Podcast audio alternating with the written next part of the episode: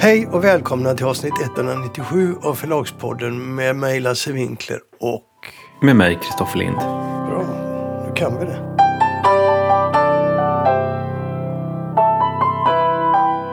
Och vi börjar väl med det lite mer eh, kontroversiella, tänker jag. Mm.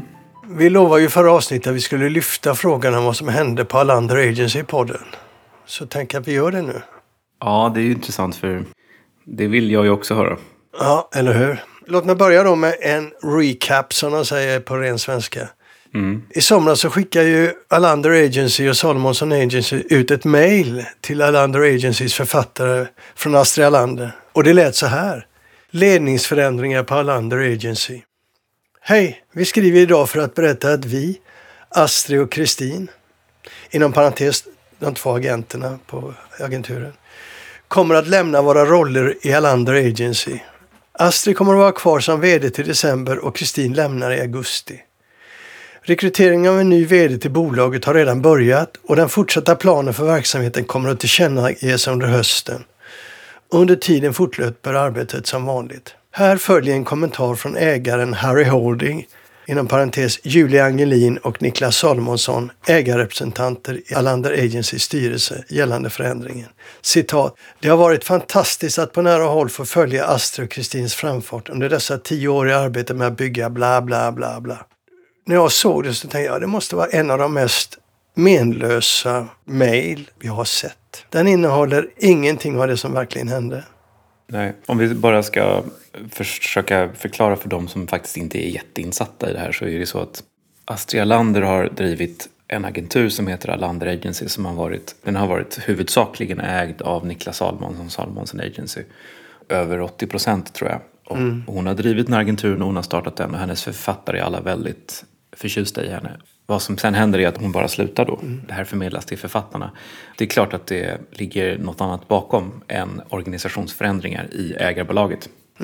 Under våren hördes ju rykten från författare och enstaka agenter att hon tänkte köpa ut Alander Agency från Niklas Salomonssons. Och detta skedde ju samtidigt som de här allt intensivare skvallren, vad man ska kalla det, i branschen om att SVTs grävande redaktion, Uppdrag granskning, hade ett program som skulle sändas av Niklas Salomonsson. Och vi, vi tog upp det i podden och det var ju bland annat ett läckt interndokument från Salomonsson Agency som listade de ämnen som ÖG granskade. Astrid Lander vill ju uppenbarligen frigöra sig från eh, Salomonsson Agency. Man kan bara spekulera i varför. Så hon ställde frågan till Niklas Salomonsson i somras och fick en omedelbar och kraftfull reaktion som hon kanske inte Men hade här vet du. väntat sig. Astrid Erlander själv är bunden vad jag förstår av sekretessavtal. Men jag har ringt runt och pratat med framförallt författare och andra aktörer runt omkring. Och den här bilden jag får är då att hon tog kontakt med Niklas och frågade om hon kunde få köpa ut agenturen från honom. Hon fick en omedelbar och kraftfull reaktion som hon inte kanske hade väntat sig. För resultatet blev istället att Astrid Erlander sålde sin del alternativt tvingades sälja sin andel i agenturen och så upp sig ihop med en annan anställd agent, Kristin Edhäll. Alternativt att de fick sparken, vi vet inte vilket. Och det är den händelsen som beskrivs i mejlet ovan som en gemensam överenskommelse. Mm.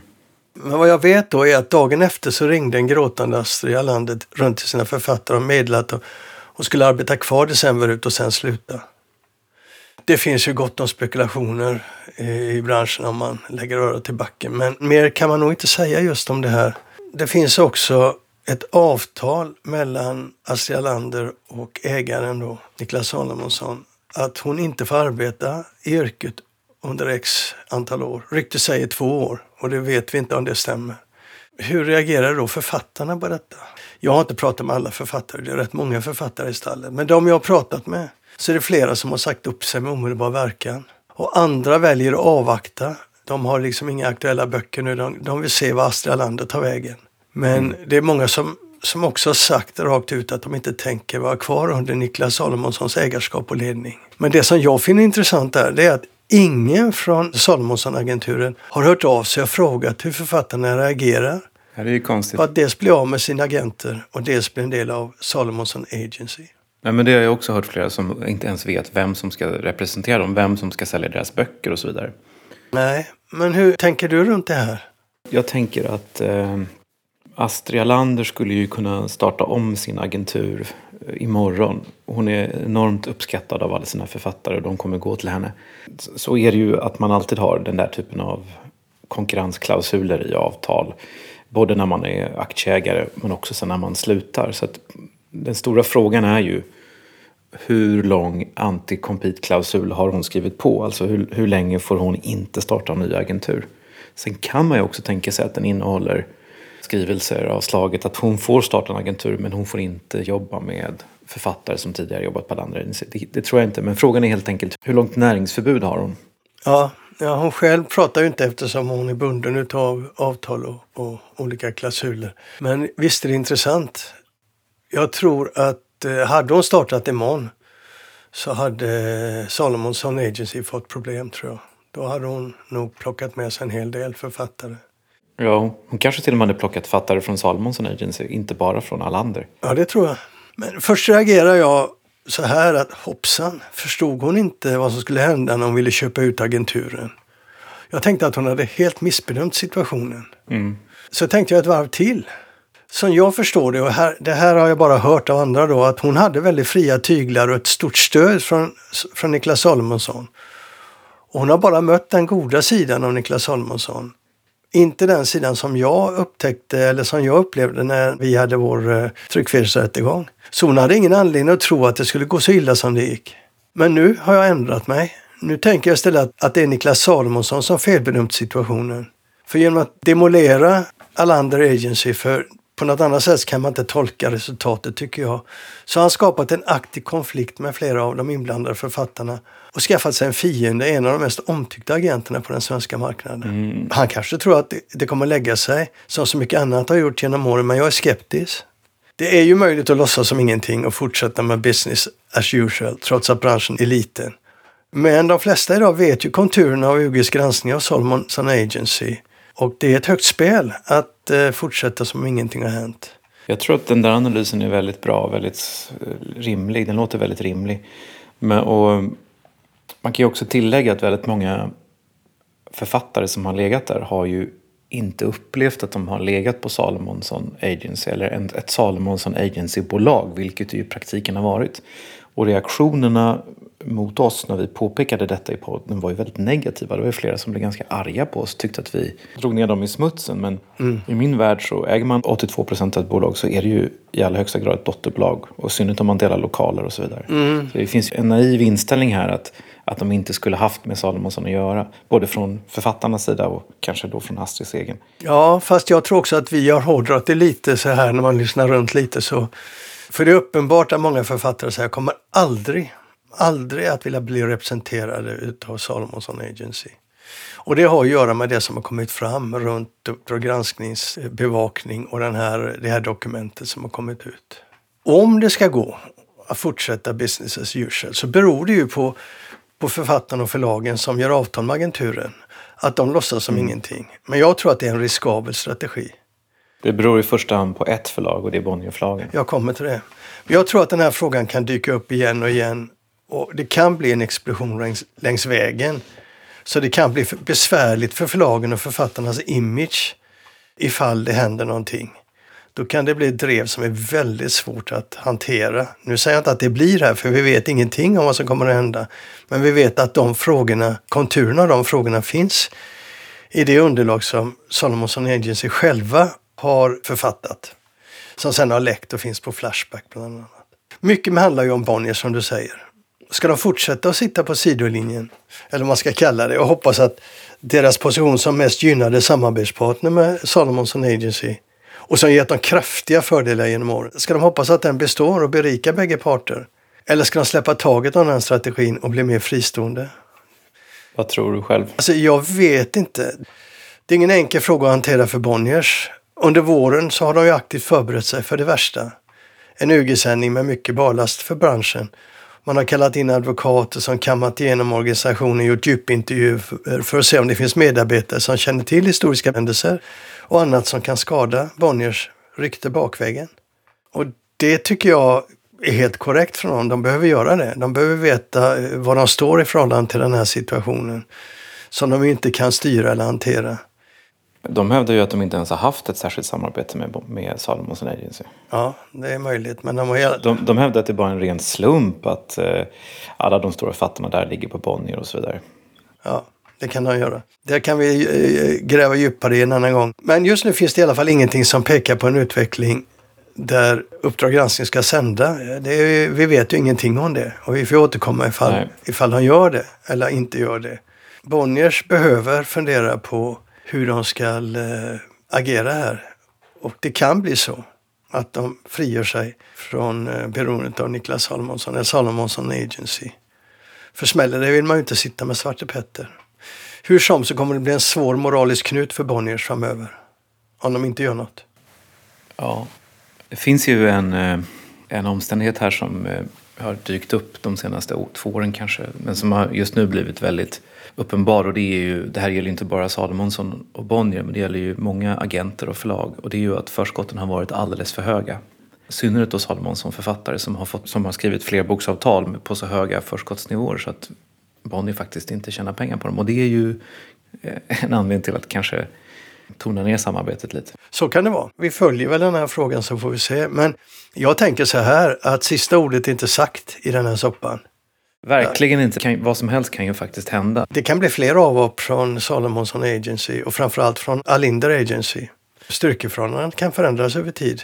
Jag menar, nu är ju Niklas Salomonsson av med en konkurrent, i alla fall för ett tag. Men det kommer inte vara för evigt och det kan ju innebära väldiga problem för honom om man, i framtiden. Vad menar du med att han är av med en konkurrent? Ja, om Astrid Lander inte kan jobba som agent. Ja, ja, nej, du menar så ja. Nej, ja. precis. Så är han ju av med en konkurrent. Men när hon väl börjar jobba, om hon kommer tillbaka till bokbranschen, då får han ju formidabel konkurrens. Det går ju inte att komma ifrån. Nej. För hon har ju någonting som hennes författare påpekar hela tiden. Hon kan läsa text. Hon är bra på det. Mm, och det är inte många agenter som är. Nej, jag kan inte säga något om hur agenterna inom Salomonsson Agency är, för det vet jag inte. Men jag vet att hon får tydligt beröm för det. Och det har jag inte hört tidigare när jag har pratat med författare om agenter. Så visst, vi får se. Det ska bli väldigt spännande att följa det här i alla fall. Och eh, som sagt, jag tror att Niklas Salomonsson gjorde en felbedömning när han valde att lösa konflikten så här.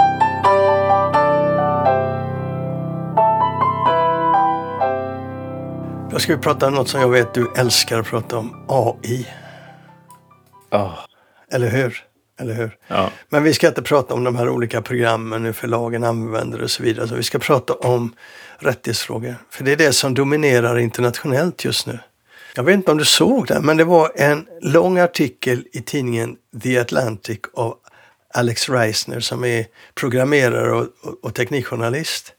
Där han avslöjade hur de här stora, vad man kallar LLMs, alltså Large Language Models, alltså de som samlar in massa material som sen blir ChatGPT, Bloomberg GPT och Meta och alla de där.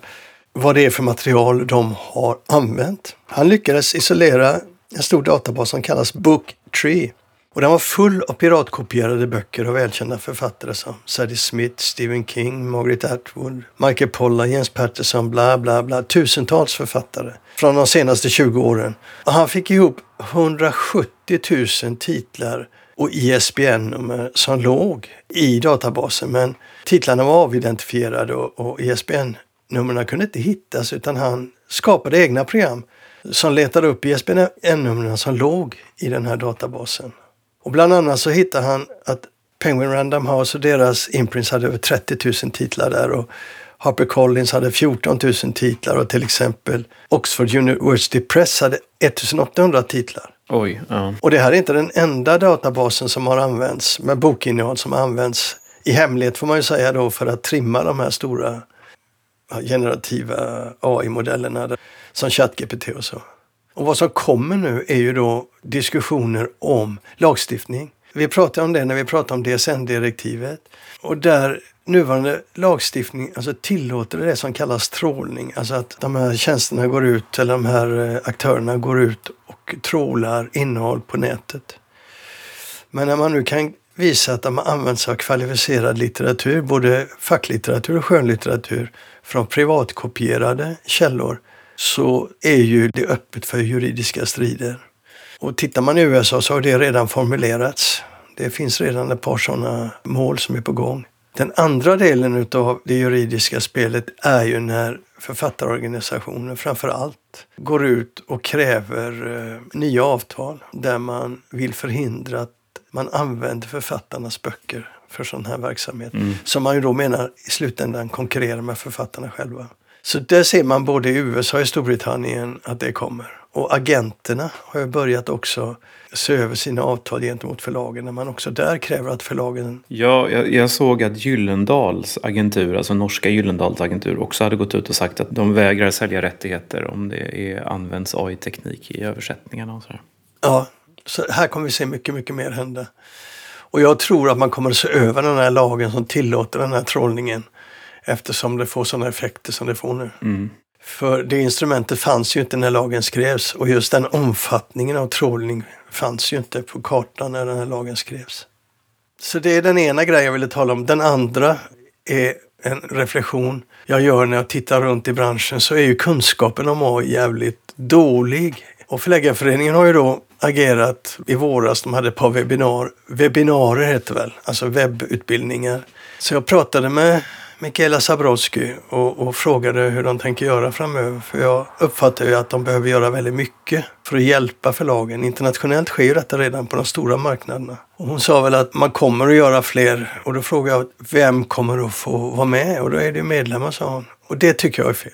Det är alldeles för snävt och ogenomtänkt strategi i dagens läge. Idag behöver man göra jättemycket och man behöver nå alla i branschen. Gör man inte det så får man äta upp det sen. För då blir det så stora gap mellan kunskaperna hos medlemmarna i Förläggarföreningen och andra förlag som till exempel medlemmarna i NOF. Så jag hoppas man tänker om där och öppnar det öppet för alla som vill vara med.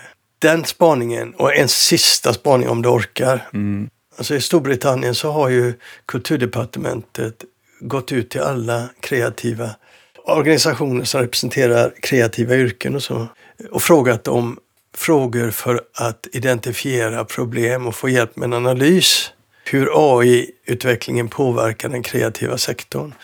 För den brittiska regeringen ska göra ett eh, white paper som de kallar det. Alltså de ska göra en, en analys och sätta upp en strategi för hur man ska hantera AI på nationell nivå. Och då är det intressant att man i Storbritannien vänder sig till till exempel Förläggarföreningen där i Sverige sker ju inget sånt. Så jag frågade också Mikaela Zabrowski, vd då i Svenska Förläggarföreningen. De har inte hört någonting från regering eller kulturdepartement så hon sa att vi får själva ta kontakt med dem och förklara situationen, trodde hon. Mm. Det var det. Lite udda inslag men jag tyckte det var viktigt att prata om för jag tror inte alla har koll på vad som händer. Nej.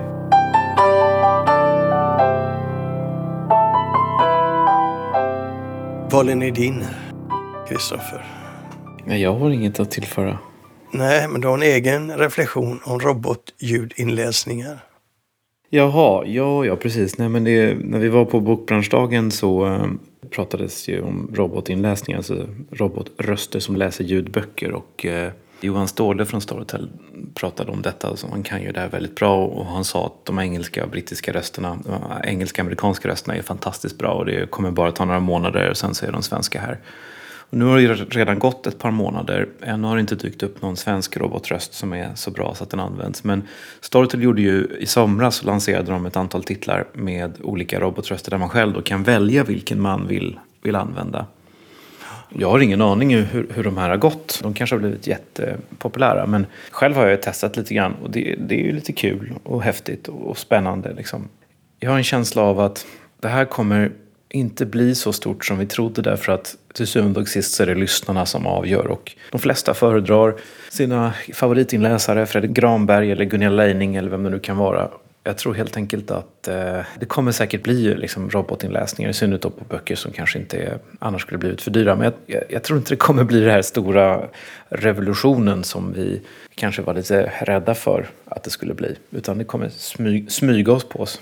Ja, jag håller med dig. Men det som är intressant här är ju att som alla techbolag och som alla techfokuserade människor som går in i bokbranschen så hittar de problem som ingen annan hittar och löser problem som ingen uppfattar existerar. Mm.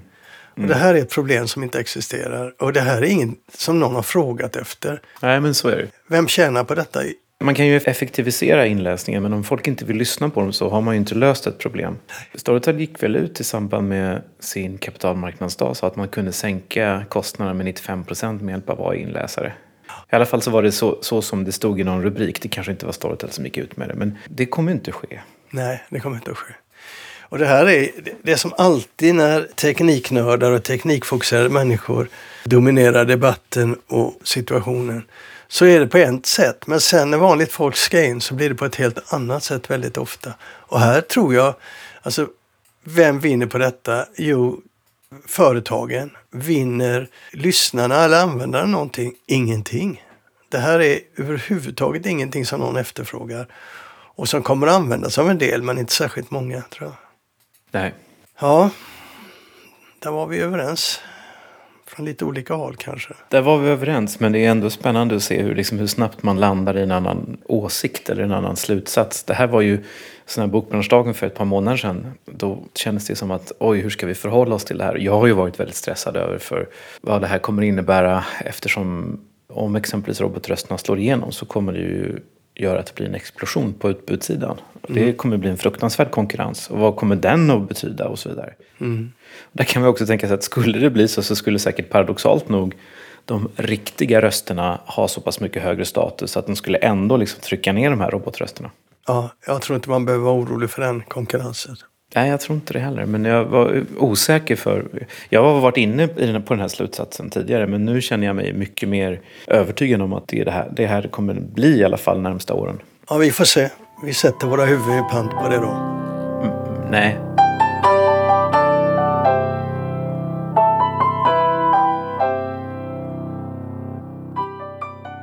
Det var allt för idag.